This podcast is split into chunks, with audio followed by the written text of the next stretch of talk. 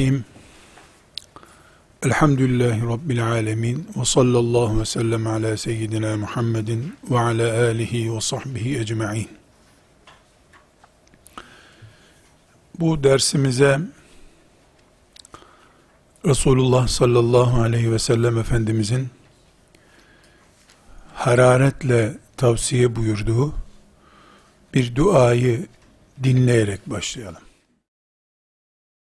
اللهم أنت ربي لا إله إلا أنت خلقتني وأنا عبدك وأنا على عهدك ووعدك ما استطعت أعوذ بك من شر ما صنعت أبوء لك بنعمتك علي وأبوء لك بذنبي فاغفر لي فإنه لا يغفر الذنوب إلا أنت. اللهم أنت ربي لا إله إلا أنت خلقتني وأنا عبدك وأنا على عهدك ووعدك ما استطعت أعوذ بك من شر ما صنعت أبوء لك بنعمتك علي وأبوء لك بذنبي فاغفر لي فإنه لا يغفر الذنوب إلا أنت. اللهم أنت ربي لا إله إلا أنت خلقتني وأنا عبدك وأنا على عهدك ووعدك ما استطعت أعوذ بك من شر ما صنعت أبوء لك بنعمتك علي وأبوء لك بذنبي فاغفر لي فإنه لا يغفر الذنوب إلا أنت. Değerli kardeşlerim,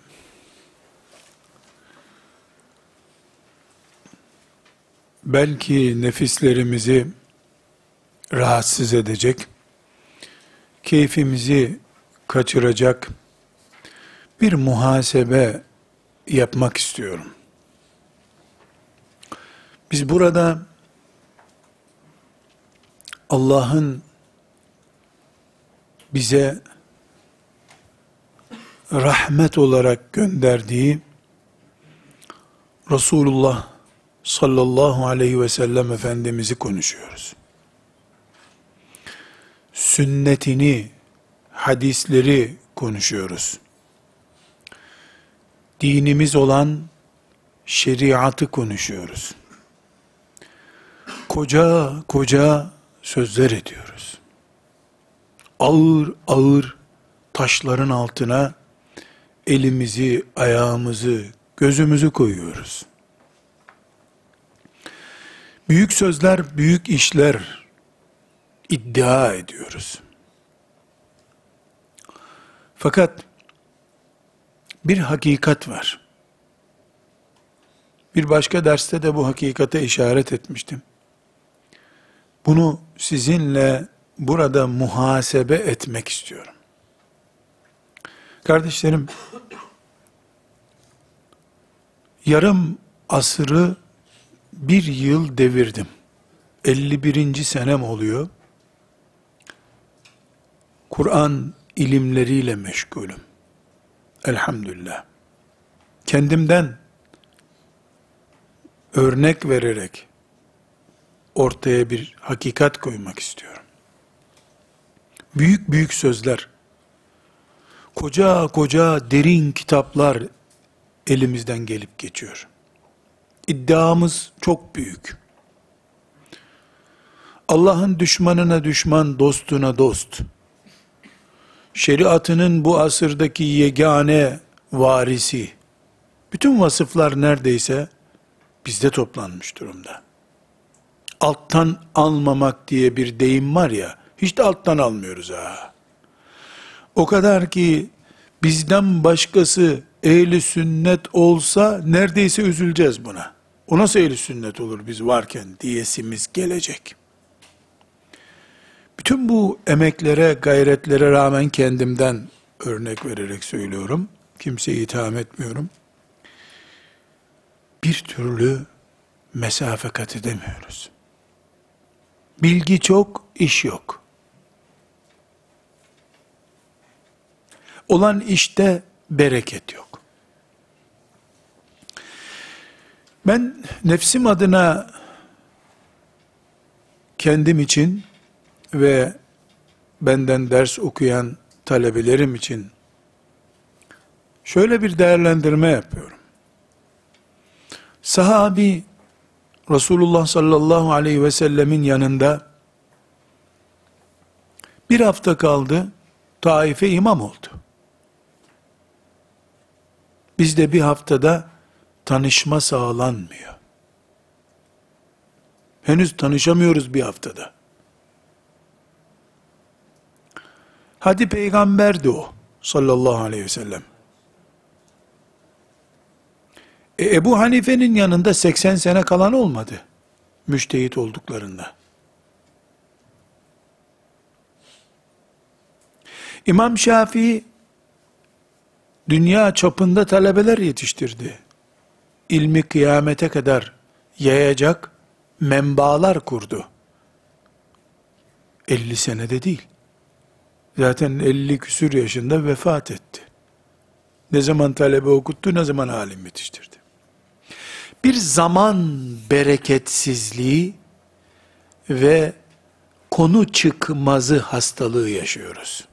Konulardan hedef çıkaramıyoruz bir türlü. Bir hadisi şerifi bir kere dinleyip imana geliyor insanlar. Biz ise o hadisi şerifin üzerinde destanlar yazıyoruz ama sözlü olarak. Eylem destanı yazamıyoruz. Bir sıkıntımız var kardeşlerim. Şimdi burada konuştuğumuz konular filancaları metü sena veya yermek, zemmetmek olunca tatlı oluyor. Nefsimize ait hisse çıkaralım. Acaba diye kendimize yönelelim deyince bir türlü muvaffak olamıyoruz. Bu nedeni tahlil ederken karşımıza pek çok cevaplar çıkar şüphesiz. Hocanın, anlatanın bereketsizliği en büyük neden. Anlayanın anlaması gereken talebenin himmet düşüklüğü. O da bir neden. Ama o neden bu neden. Şu bu hepsini toplayıp bir başlık altında ele almamız gerekiyor arkadaşlar. Çok fazla günah barındırıyoruz bünyemizde. İstiğfar etmeyi beceremiyoruz. Bünyemizde Müslüman bünyemizde barındırdığımız günahlarımız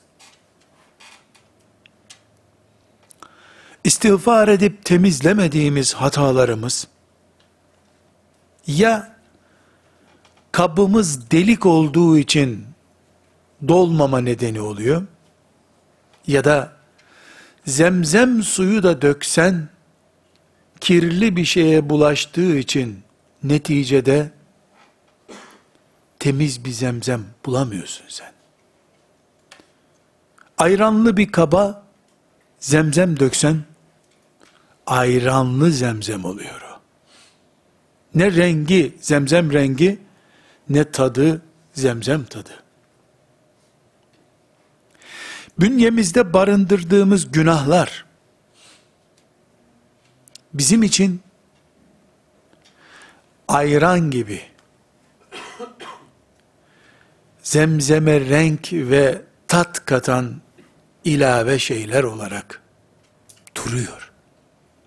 Bu nedenle onlarca hadis dinleyip 10 santim yol alamıyoruz. Bir hadis dinleyip cennete kadar uzanan koşuya girenler vardı bu dünyada. Şimdi sahabeye hep takıldık kaldık. Kardeşlerim, Yani sahabeye takılmaya gerek yok. Çanakkale'ye gidenler alim insanlar mıydılar ya? Köyde hoca efendi Ahmet Ağa, Mehmet diye hitap ettiği insanlar ne Kur'an okuyabiliyorlardı, ne fıkıh biliyorlardı. Sadece cami imamı veya köyde kim konuşuyorsa meydanda onları toplaymış. Efendiler, gençlerimiz, ihtiyarlarımız, haydi Allah bizi cennette bekliyor dedi. Analarıyla selamlaşıp gittiler. Biz aynı hadisleri ana metinleriyle, Arapçalarıyla, şerhleriyle okuyoruz. Peygamber aleyhisselamın en açık sözüne bile felsefeyle cevap veriyoruz. İçimizden veya dilimizden. Bunun nedeni istiğfar etmediğimiz günahlarımızdır. Ben başta nefsim adına, kendi adıma bir muhasebe mecburiyeti hissediyorum. Bünyemdeki günahların mesafe kat etmemi engellediğini hissediyorum. Bu histe de hiç tereddüdüm yok. Yoksa benim okuduğum kadar, benim bulduğum fırsat kadar Ebu Hureyre fırsat bulsaydı, yerden göğe uzanan bir boyu olurdu herhalde. Allah ondan razı olsun. Kovam mı delik? Kabım mı lekeli? Onu Allah biliyor. Ama bir iç burukluk en derin noktaya kadar hissediyorum. Bereketsizlik, feyiz kıtlığı. Üç kerede en çok anlaşılması gereken şeyi otuz kerede bile hala idrak edememiş olmak. Fert olarak, aile olarak, medrese olarak, bunu hissetmemiz lazım kardeşlerim. Sadece canlı bir örnek olsun diye zikrediyorum.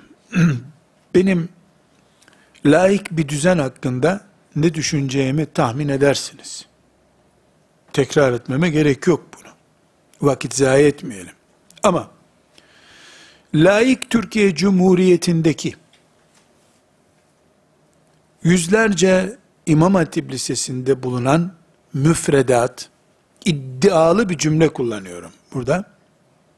Hafızlığı eksik olmak kaydı şartıyla, Osmanlı'nın mesela Abdülhamit Han'ın dönemine ait Rüşdiyelerden yani o günkü ilkokullar, ortaokullardan çok daha kaliteli bir programa sahiptir. İmam Hatip liseleri.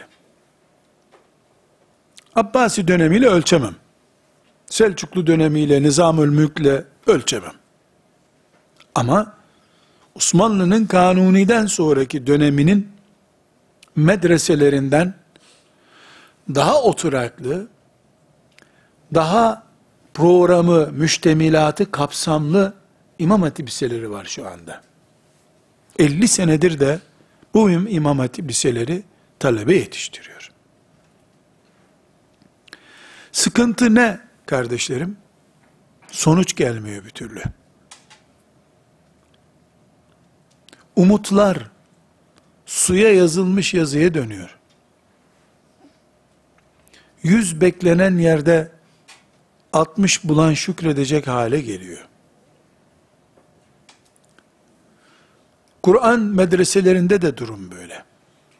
Bir bereketsizlik ve sermayeyi boşa harcama gibi nesli muvaffak olunmayacak bir projeye feda etme gibi sıkıntımız var.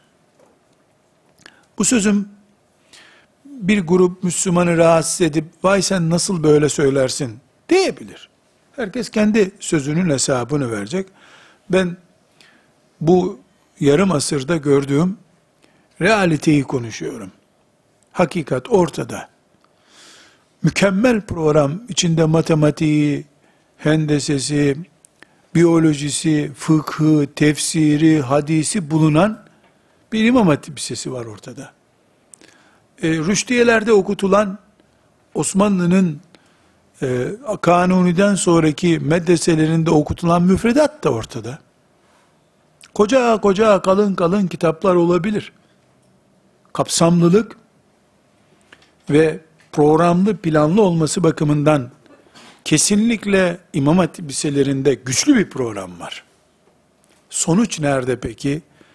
Sonuç dağda, ovada, derede dağıldı. Neden? Çünkü kap sorunu yaşıyoruz. Günahlar aileyi kirletmiş, okulu kirletmiş, hocayı kirletmiş, gencecik talebeyi berbat etmiş. Tefsir, hadis vesaire ne yapacak? Çocuğun kafasına dökülüyor. Çocuk onu futbol ortamında dinliyor. İbn Abbas dedi ki diyorsun, kaleci yakaladı ki anlıyor. Hadis okuyorsun, filanca filancaya dedi diyorsun, kafayı üniversiteye takmış çocuk, filanca soruyu yapamamış, bunu yapmış anlıyor. Beyinlerimiz gerekli gereksiz şeylerle dolu. Çocuklarımızınki de öyle. Annelerinki de öyle. Kadere imanı kelam dersinde konu olarak işliyorsun. İşlediğin o konu o çocuğun aile hayatının aksine bir şey. Eğer kitaptan öğrendiği bilgiyi uygulayacaksa çocuk gelip annesine siz Müslüman mısınız demesi gerekecek. Doğduğu evin ters köşesinde duruyor çocuk. Ne yapıyor? Müzebzep bir çocuk geliyor bu sefer. Müzebzep bir imam hatip talebesi geliyor. Ne oradan ne buradan. Kafa ortada kalmış. Bir türlü şeriatıyla ayakta durma başarısı gösteremiyor.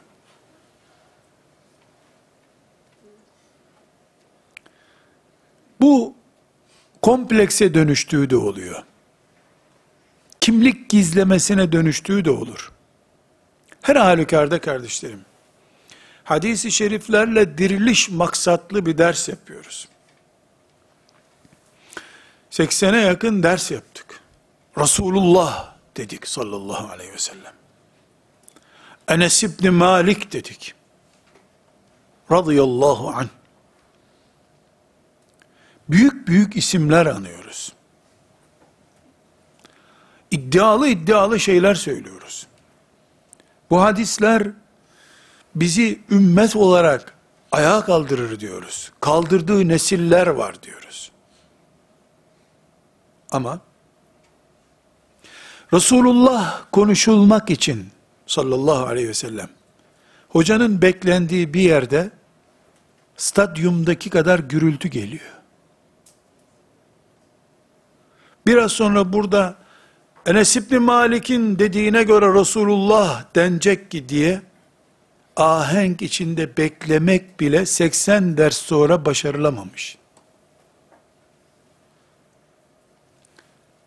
Biz ise bütün şirk düzenlerini, bütün beşeri sistemleri çökertip Resulullah'ın konuştuğu bir toplum iddiasıyla çıkıyoruz. Resulullah konuşsun sallallahu aleyhi ve sellem. Sussun beşer diyoruz. Ama onun konuşulacağı dersten önce hocanın geleceği bilindiği halde beş dakika susma nezaketi gösteremiyoruz. Hocaya değil, makama ve Resulullah'a saygıyı beceremiyoruz. Buhari'yi alıp ümmete dizayn vermeye, insanlığı kaldırmaya hazırız ama. Bir beş dakika susabilsek her şey hallolacak. Susamıyoruz bir türlü gibi bir endişe var. Bunu yani Resulullah'ın sallallahu aleyhi ve sellem konuşulacağı bir yerde nasıl bulunmak gerektiğine dair şuurumuzun bile henüz olgunlaşmamasını bir yere bağlamak istiyorum sürekli. Bir türlü bağlayamıyorum. Mecburen diploma gereği program dolmak zorunda olunduğu için, televizyona çıkacak şöhretlik olduğu için kimse toplanmıyor bir yere. Bir rıza arayışı var. Allah'ın rızasını kasteden bir anlayış var. Bunda bir sıkıntı yok elhamdülillah. Ama bir türlü berrak bir zemzem gibi içemiyoruz bunu. Bir şeyler karışıyor zemzemimize.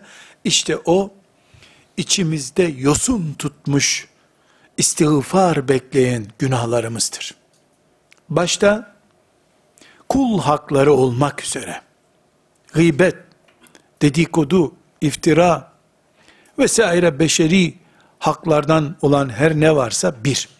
İki, şu zaman bu zamanda kırdığımız çanaklardan dolayı, dağıttığımız masalardan dolayı Rabbimizden haya etmemiz gerektiği halde becerip istiğfar edemediğimiz için hala meleklerin dosyalarımızda tuttuğu istiğfar bekleyen günahlarımız var. Onlar kabımızı kirli hale getiriyor. O kirli kaptan da hacıların getirdiği zemzemi içemiyorsun.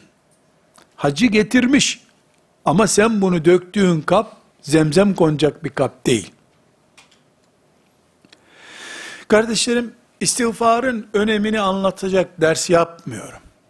Hayır. Bugünkü dersimiz, mümin istiğfar eder. Resulullah sallallahu aleyhi ve sellem günde 70 defa istiğfar ediyordu. Ashab-ı kiram hep istiğfar ediyorlardı. Ebu Hureyre radıyallahu anh bir ipe bin düğüm bağlamıştı. Bugünkü tesbihler yok böyle. Bin tane düğüm yapmış. Bin taneden fazla tesbih yapayım diye estağfurullah, estağfurullah, estağfurullah deyip o tesbihi çekiyormuş. Bunları anlatmıyorum. Ashab-ı kiram yerle göğü birleştirip bir arada duran bir nesil olduğu halde bin kere Ebu Hureyre istiğfar ediyormuş. Onu konuşmuyorum. İstiğfara mecbur olduğumuzu uyandırmak istiyorum. Bu anlaşılsa mesele yok zaten. Öbür türlü kardeşlerim, yani burada okuduğumuz hadisi şerifler, ayeti kerimeler, yahu bir müşriğin mezarına okunsa herhalde kalkar iman ederdi belki. Diyesi geliyor insanın. Bu etkilenme işimizi toparlamamız gerekiyor. Bunun için Resulullah sallallahu aleyhi ve sellem Efendimizin seyyidül istiğfar dediği bir istiğfar duası var. Bunu içimize sindireceğimiz bir ders yapalım istedik. Bir daha dinleyelim istiğfarı. اللهم أنت ربي لا إله إلا أنت خلقتني وأنا عبدك وأنا على عهدك ووعدك ما استطعت أعوذ بك من شر ما صنعت. أبوء لك بنعمتك علي وأبوء لك بذنبي. فاغفر لي فإنه لا يغفر الذنوب إلا أنت. Şimdi kardeşlerim, bu mübarek istiğfar, İmam Müslim'in sahihi hariç, bütün hadis kitaplarının rivayet ettiği bir hadisi şeriftir. Efendimiz sallallahu aleyhi ve sellem, istiğfarın seyyidi budur diyor. Seyyidül istiğfar. İstiğfar ne demek? Mağfiret talep etmek demek. İstiğfar. Mağfiret. Mağfiret nedir? Günahın affolmasını istemek demek. Seyyid kelimesi nedir? Efendi, en büyük demek. Peygamber Efendimiz sallallahu aleyhi ve sellemin neslinden gelene seyyid deniyor. Ümmetin büyüğü demek. Toplumun seyyidi, toplumun efendisi demek. Seyyidül istiğfar, bir Müslümanın yapacağı istiğfar dualarının en büyüğü demek. Şu dinlediğimiz Seyyidül istiğfar, Müslüman bir insanın Allah'tan günahlarının affını dilemek için yapabileceği en büyük duadır. Biraz sonra manasını da dinleyeceğiz.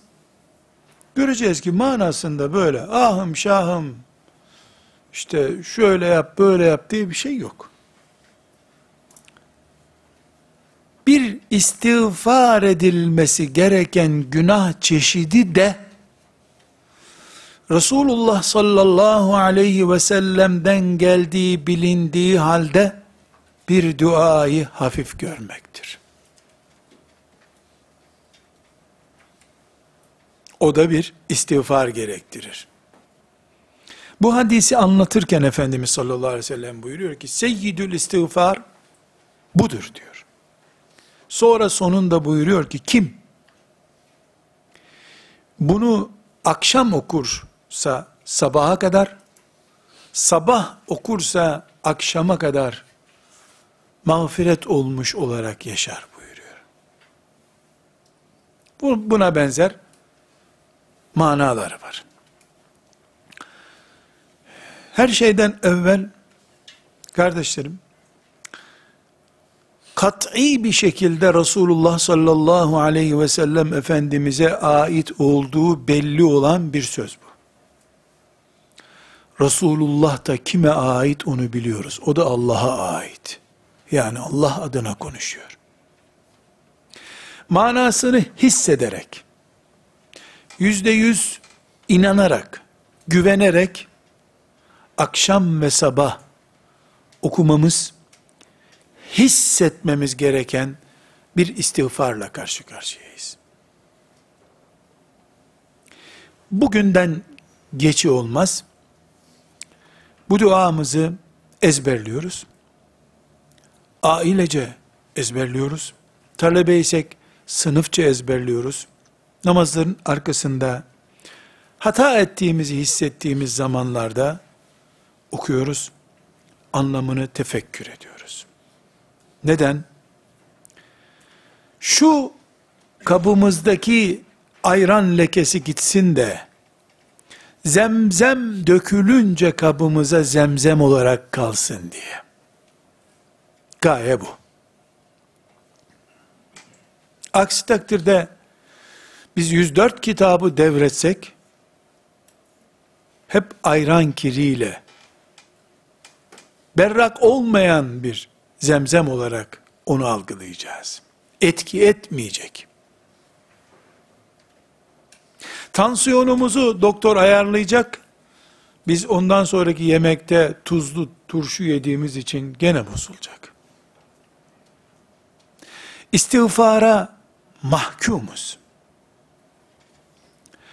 Resulullah sallallahu aleyhi ve sellem konuşurken kulak özürlü olsak bile kalbimiz onu anlamalıydı. O konuşurken onu görüyor gibi dinleme lezzetine ulaşmalıydık. Ne yazık ki bunu vazgeçtik neredeyse. Birileri boş ver hadisleri dediğinde biraz imanımız bize hareket verse ona da razı olacağız. Etki etmiyor hadis-i şerifler. Yoktur bu hadisler. Buhari yoktur. Müslim yoktur. Ebu Davud boştur. Dendiğinde kıpırdayamıyoruz. Bu bile istiğfarın ne kadar acil ve ne kadar mecburi olduğunu gösteriyor.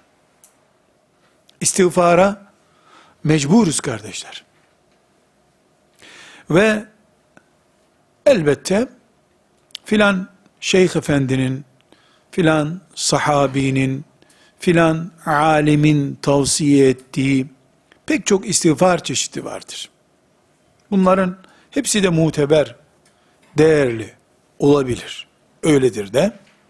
Ama Resulullah sallallahu aleyhi ve sellemin seyyidül istiğfar dediği cümleyi unutmayalım arkadaşlar.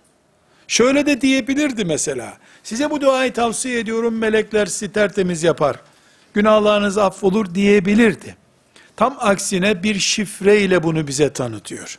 Bu seyyidül istiğfardır diyor. Şimdi kardeşlerim bunu okuyorduysak sabah akşam ne mutlu şükür secdesine yapalım. Ya böyle bir nimet varmış elhamdülillah ben de yapıyormuşum senelerdir bunu. İki, böyle bir nimet bende değilse, biliyordum da okumuyordum, bilmiyordum da okumuyordum hangisi ise, ben bu seyyidül istiğfarla yatmıyorduysam, seyyidül istiğfarı namazlardan sonra yolda yürürken, durakta araba beklerken okumuyorduysam, bugünden itibaren başlamam lazım. Kendime ceza verip, günde 20 defa okumam lazım. Geçmişin telafisi için. 3. Aradan 10 gün geçtiği halde programı hala başlatamadı isem, ne yapmam lazım?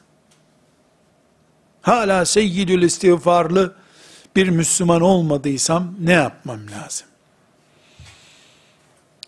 İmam Gazali'den bir örneği biliyoruz. Onu zikredeyim. Başka bir konuda konuşuyor. Efendimiz sallallahu aleyhi ve sellem buyuruyor ki bu Kur'an mahzunların kitabıdır. Kur'an'ı okurken ağlamaklı olun buyuruyor. Şen şakrak tekbir getirerek Kur'an okunulmaz. Miting yeri değil Kur'an. Öyle okuyun buyuruyor. İmam Gazali bu hadisi naklederken diyor ki peki Müslüman Kur'an okurken ağlamak zor bir şey. Her zaman insan ağlayamaz ki. Ne yapacak ağlayamıyorsa? Diyor ki, işte o haline ağlaması lazım esas diyor. Ona ağlaması lazım zaten. Kur'an'dan önce ağlaması gereken o halidir onun. Kur'an onu ağlatacak hale getiremiyor demek ki.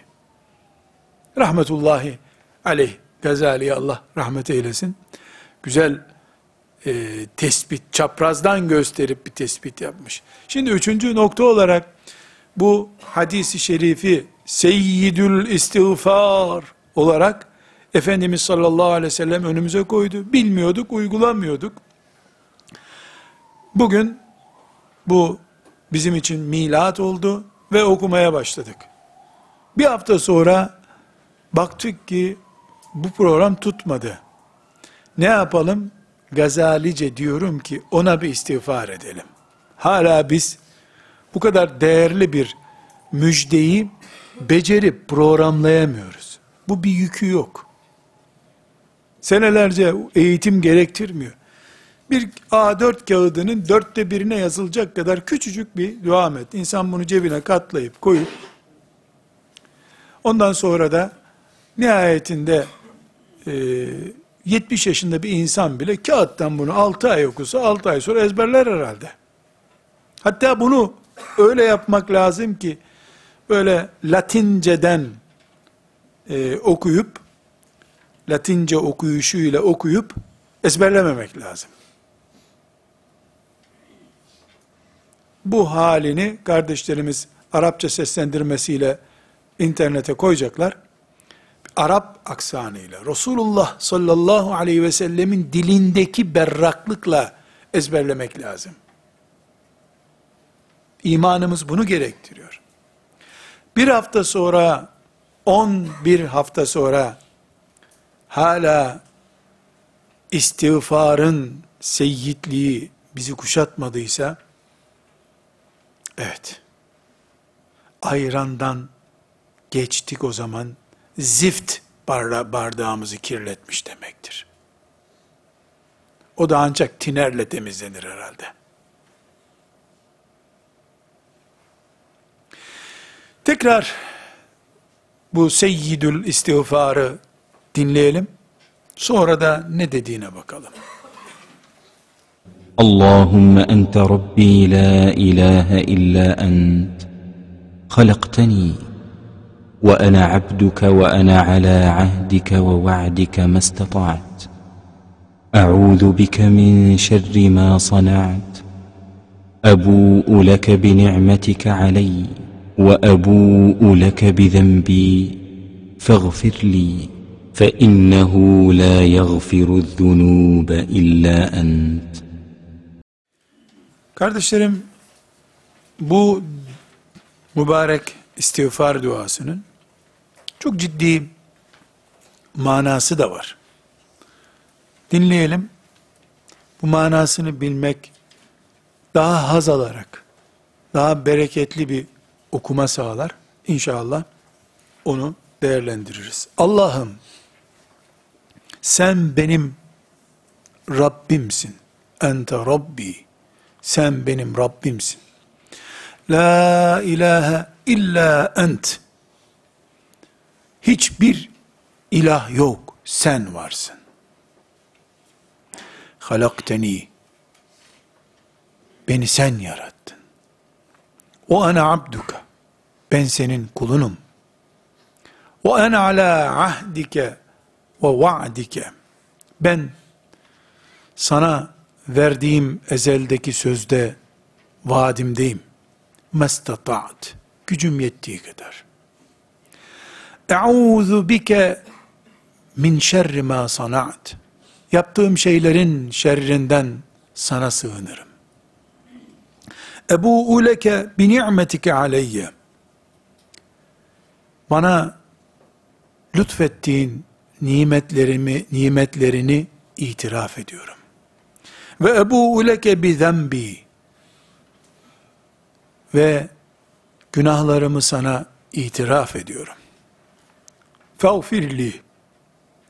Beni mağfiret et.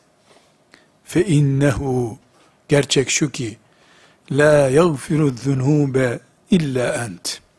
Senden başkası günahları mağfiret etmez.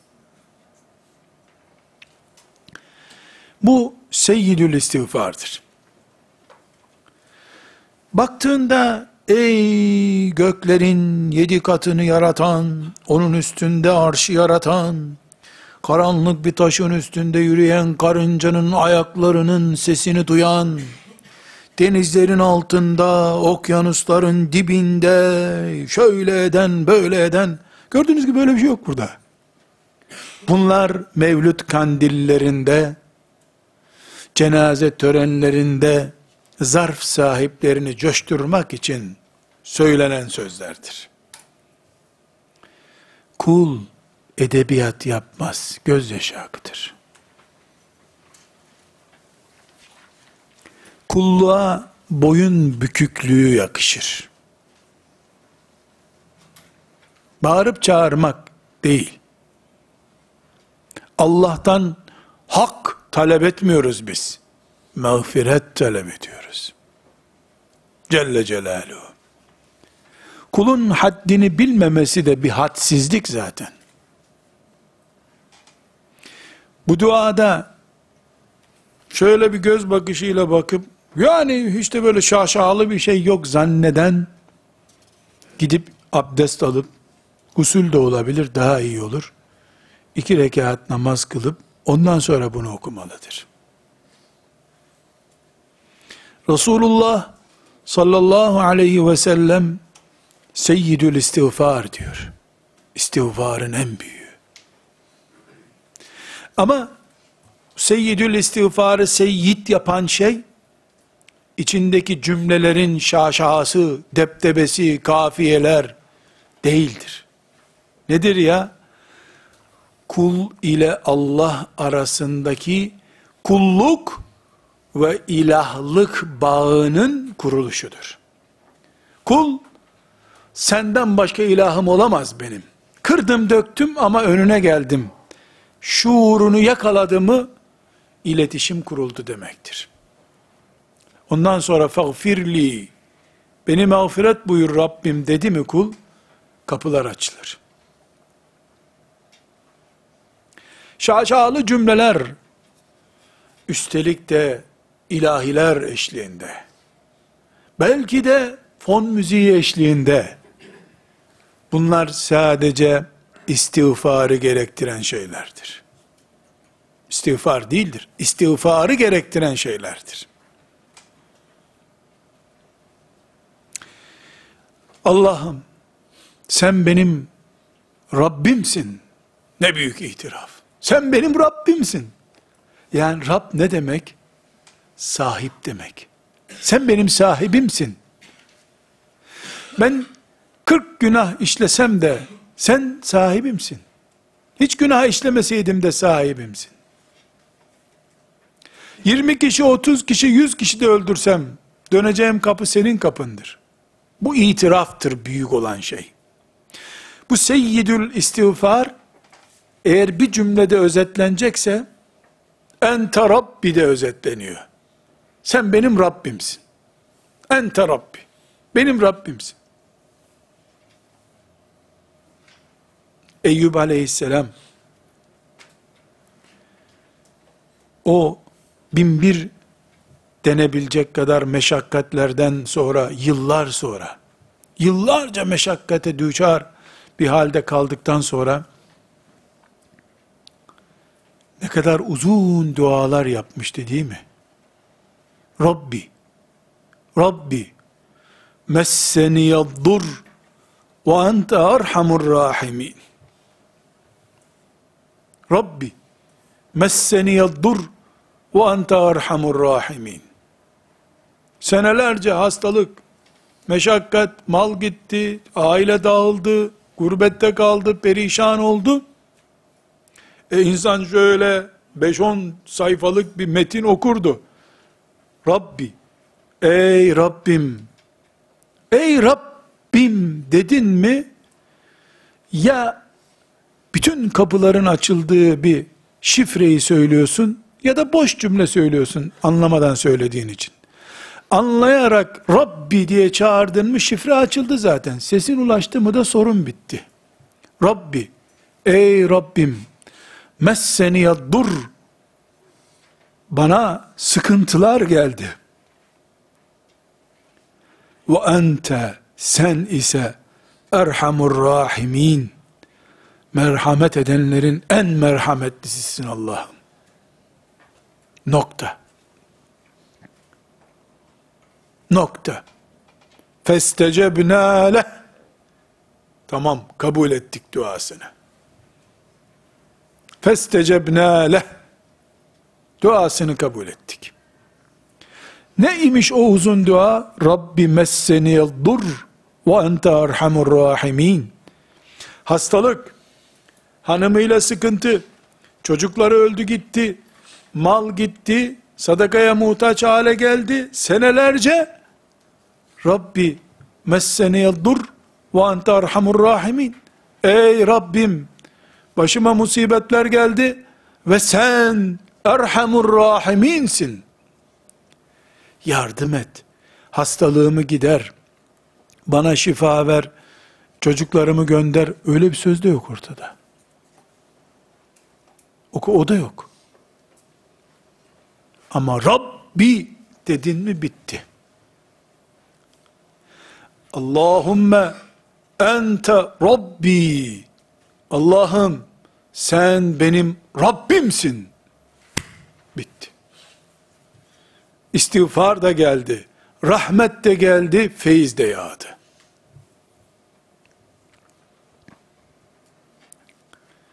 Allahümme ente Rabbi. La ilahe illa ent. La ilahe illa ent. Senden başka ilah yok Allah'ım. Halakteni ve ana abduke. Sen beni yarattın. Ve ben senin kulunum öyle yarattın. Kul sahibinin kapısından başka nereye gider? Ve ana ala ahdike ve vaadike. Ta ezelde sana ne söz verdiysem, mümin olarak yaşama sözü ve vaadi yaptıysam ben o sözümdeyim mestata't. Gücümün yettiği kadar. Evet geçen bir günah işledim ama dayanamamıştım. Sabredememiştim. Evet söz vermiştim hata etmeyeceğim diye ama dayanamadım. Mestata't. Gücümün yettiği kadar. Abuk subuk vaatler yok. Kızıl ırmağı geri akıtacağız senin yolunda ya Rab diye kuru vaat yok. Mestata't. Ben kulum çünkü. Halakteni ve ana abduk. Sen beni yarattığında ben senin kulundum ya Rabbi. Ey Rabbim. Beni kulun olarak yarattın. Kul bu. Cılız, aciz. Elbette hata edeceğim. Ettim de. Ama senden başka gidecek ilahım yok. Bir tek sen varsın. Ve bütün yaptıklarım başıma bela oldu. Bu beladan da sana itiraf ederek sana sığınıyorum. İtiraf ediyorum. İtiraf ediyorum ki çok nimetler verdin. İtiraf ediyorum ki nimetlere karşı ben günahlar işledim. Ama sen mağfiret et beni ya Rabbi. Çünkü ente Rabbi. Sahibim sensin. Benim dosyam sende. Suçumu itiraf ediyorum. Gücümün yetmediği noktalarda ayağım kaydı. Senden başka sığınacak kimsem de yok. Geldim ya Rabbi fe innehu la yagfiru zunube illa ent senden başkası mağfiret edemez beni. Ancak sen edersin. Bu mübarek seyyidül istiğfar kardeşlerim. Biiznillahi Teala bu duygu ile, bu hassasiyetle dilimizde döndüğü zaman kalbimizi etkileyecektir. Ben Resulullah sallallahu aleyhi ve selleme güveniyorum.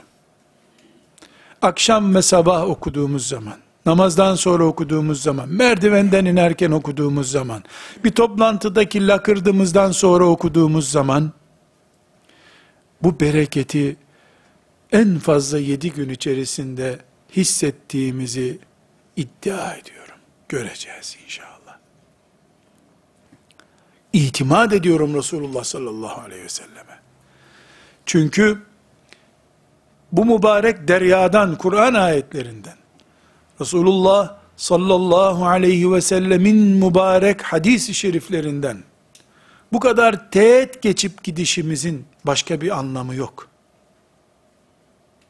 Evimizde peygamber ümmeti olan bir aile olduğumuz halde, salavat getirilen bir aile olduğumuz halde, evimizdeki bu stres ağırlığının, sıkıntıların başka türlü yorumlanması mümkün değil. Günahlar kabımızı kirli tutuyor. Peki bitecek mi bu seyyidül istiğfarla beraber günah tempomuz? Asla. Asla. Bütün Adem oğulları hatakardırlar. Hata edeceğiz. 40 hatamıza karşı 40 seyyidül istiğfarla Rabbimize sığınacağız. Bir hadisi şerifi unutmayalım. Efendimiz sallallahu aleyhi ve sellem buyuruyor ki, kul bir günah işler. Sonra melekler istiğfar etti diye o günahı silerler. Hulasa olarak anlatayım. Çünkü istiğfar edenin günahı silinir. Bir zaman sonra tekrar o günaha döner. Yine istiğfar eder, yine silerler. Yine günah eder, istiğfar eder, silerler. Böyle defalarca olunca bakar ki melekler bu adam günah işliyor sonra da istiğfar ediyor. Tövbe ediyor. Oynuyor ya. silmek istemezler o günahı. Derler ki ya Rabbi melekler bu günah işliyor sonra da ya Rabbi affet beni diyor. Bunu da bir, iki, üç hep böyle yapıyor. Yani bu adam cıvıttı gibi. Buyurur ki Allahu Teala diyor Efendimiz sallallahu aleyhi ve sellem. Olsun. Kulum döneceği kapının benim kapım olduğunu biliyor ya siz gene silin buyurur. Biz tertemiz olduğumuz, Hacerül Esved gibi berrak olduğumuz bir sabah namazından sonra en ağır günahlardan birini işleyebiliriz. Bir hafta önce sildirdiğimiz bir günahtı belki o. Kapı aynı kapı. Yine seyyidül istiğfara döneceğiz. Şunu bir kere daha dinleyelim. اللهم أنت ربي لا إله إلا أنت خلقتني وأنا عبدك وأنا على عهدك ووعدك ما استطعت أعوذ بك من شر ما صنعت أبوء لك بنعمتك علي وأبوء لك بذنبي فاغفر لي فإنه لا يغفر الذنوب إلا أنت Değerli kardeşlerim, mümin kardeşlerim, maazallah hadisi şerifi Resulullah sallallahu aleyhi ve sellemin sözlerini maazallah bir din kültürü, din sosyolojisi, din felsefesi gibi göremeyiz. Nauzu billah.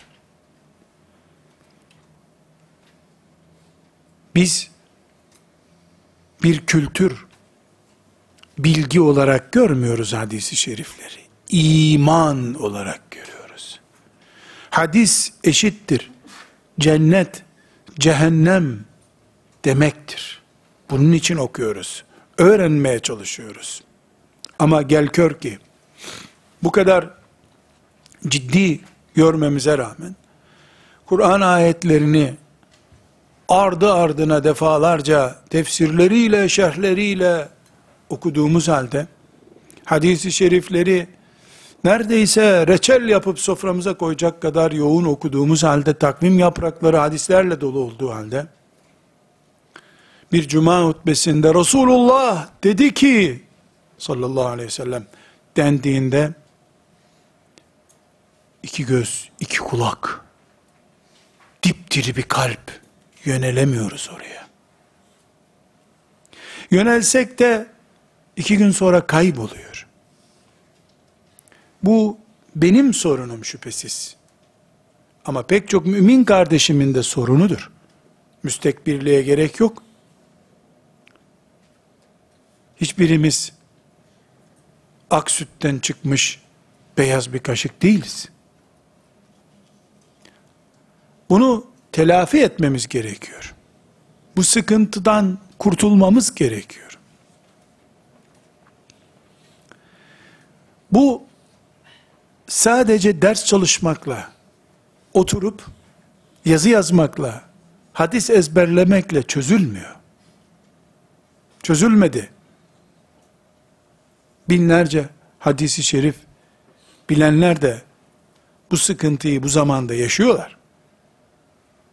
Ama biz çözümü en baş düğmeden yakalayalım diyorum. Kirlenmiş kalplerimiz, zedelenmiş beyinlerimizi ıslah edelim diyorum. Bu günahlardan arınmak demektir. Bunun da yolu yöntemini yine Resulullah sallallahu aleyhi ve sellem bize gösteriyor. İstiğfar edin diyor. Kur'an Kul tustağfiru rabbekum innehu kâne gaffâra. Eski peygamberlerin lisanıyla naklediyor. Siz istiğfarınızı yapın. Allah gaffardır. Çok mağfiret buyurur. Dedi peygamber. Biz de aynı öğütle muhatabız. Şu binbir çileli, sıkıntılı zamanımızda kalbimizi günahlardan arındırıp Resulullah sallallahu aleyhi ve sellemin manevi huzurunda buluşma fırsatımız olsun. Dinlediğimiz hadisi şerifler feyiz ve bereket kaynağımız olsun. İmanımızı takviye etsin diye bu teklifi yapıyorum. Rabbim benim niyetimi halis kılsın. Sizi de beni de bu işte muvaffak kılsın. Tavsiyem şudur kardeşlerim. Bu seyyidül istiğfarı ezberleyelim. Mealini de ezberleyelim. Ama dua peygamberin dilindekinden daha müessirdir. Türkçesini de bilelim. Evde programımıza koyalım. Yemek duasından daha önemli olduğunu düşünüyorum. Yemekte elhamdülillah desen dua yerine geçer. Çocuklarımıza ezberletelim. Birbirimizi ikaz edelim. Toplantılarımızın sonunda yahu gene bir seyyidül istiğfar okuyalım diyelim. Ola ki Rabbim rahmetiyle muamele buyurur ve günahlarımızı mağfiret eder. Kabımız temizlenir. Temiz kaba Resulullah dedi ki diye bir bal akıtılınca bizim de dilimizden bal akar. İnşallah. Rabbimi şahit tutuyorum. Meleklerini şahit tutuyorum. İçimdeki sızıyı size dillendirdim. Bu hafta çok daha derin bir ders yapacaktım. Müslüman düşünme hürriyetine sahip değil midir? Düşünüp düşündüğümüzü konuşma hakkımız hadisi şeriflerin yanında ne kadardır diye bir başlık açacaktım. O dersi de hazırladım. Dün içime doğdu ki yahu bu dersi yapacağım. Hangi kaba dökeceğiz bunu? Sonra insanlar Resulullah öyle dediyse ben de böyle diyorum. Derse ben ne yapacağım diye ürktüm. Kaldırdım masaya o dotlarımı.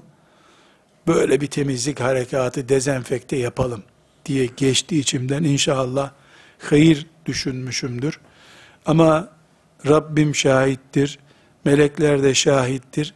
Bu kirli kaplar, bu cennet suyu zemzemi taşımıyor arkadaşlar.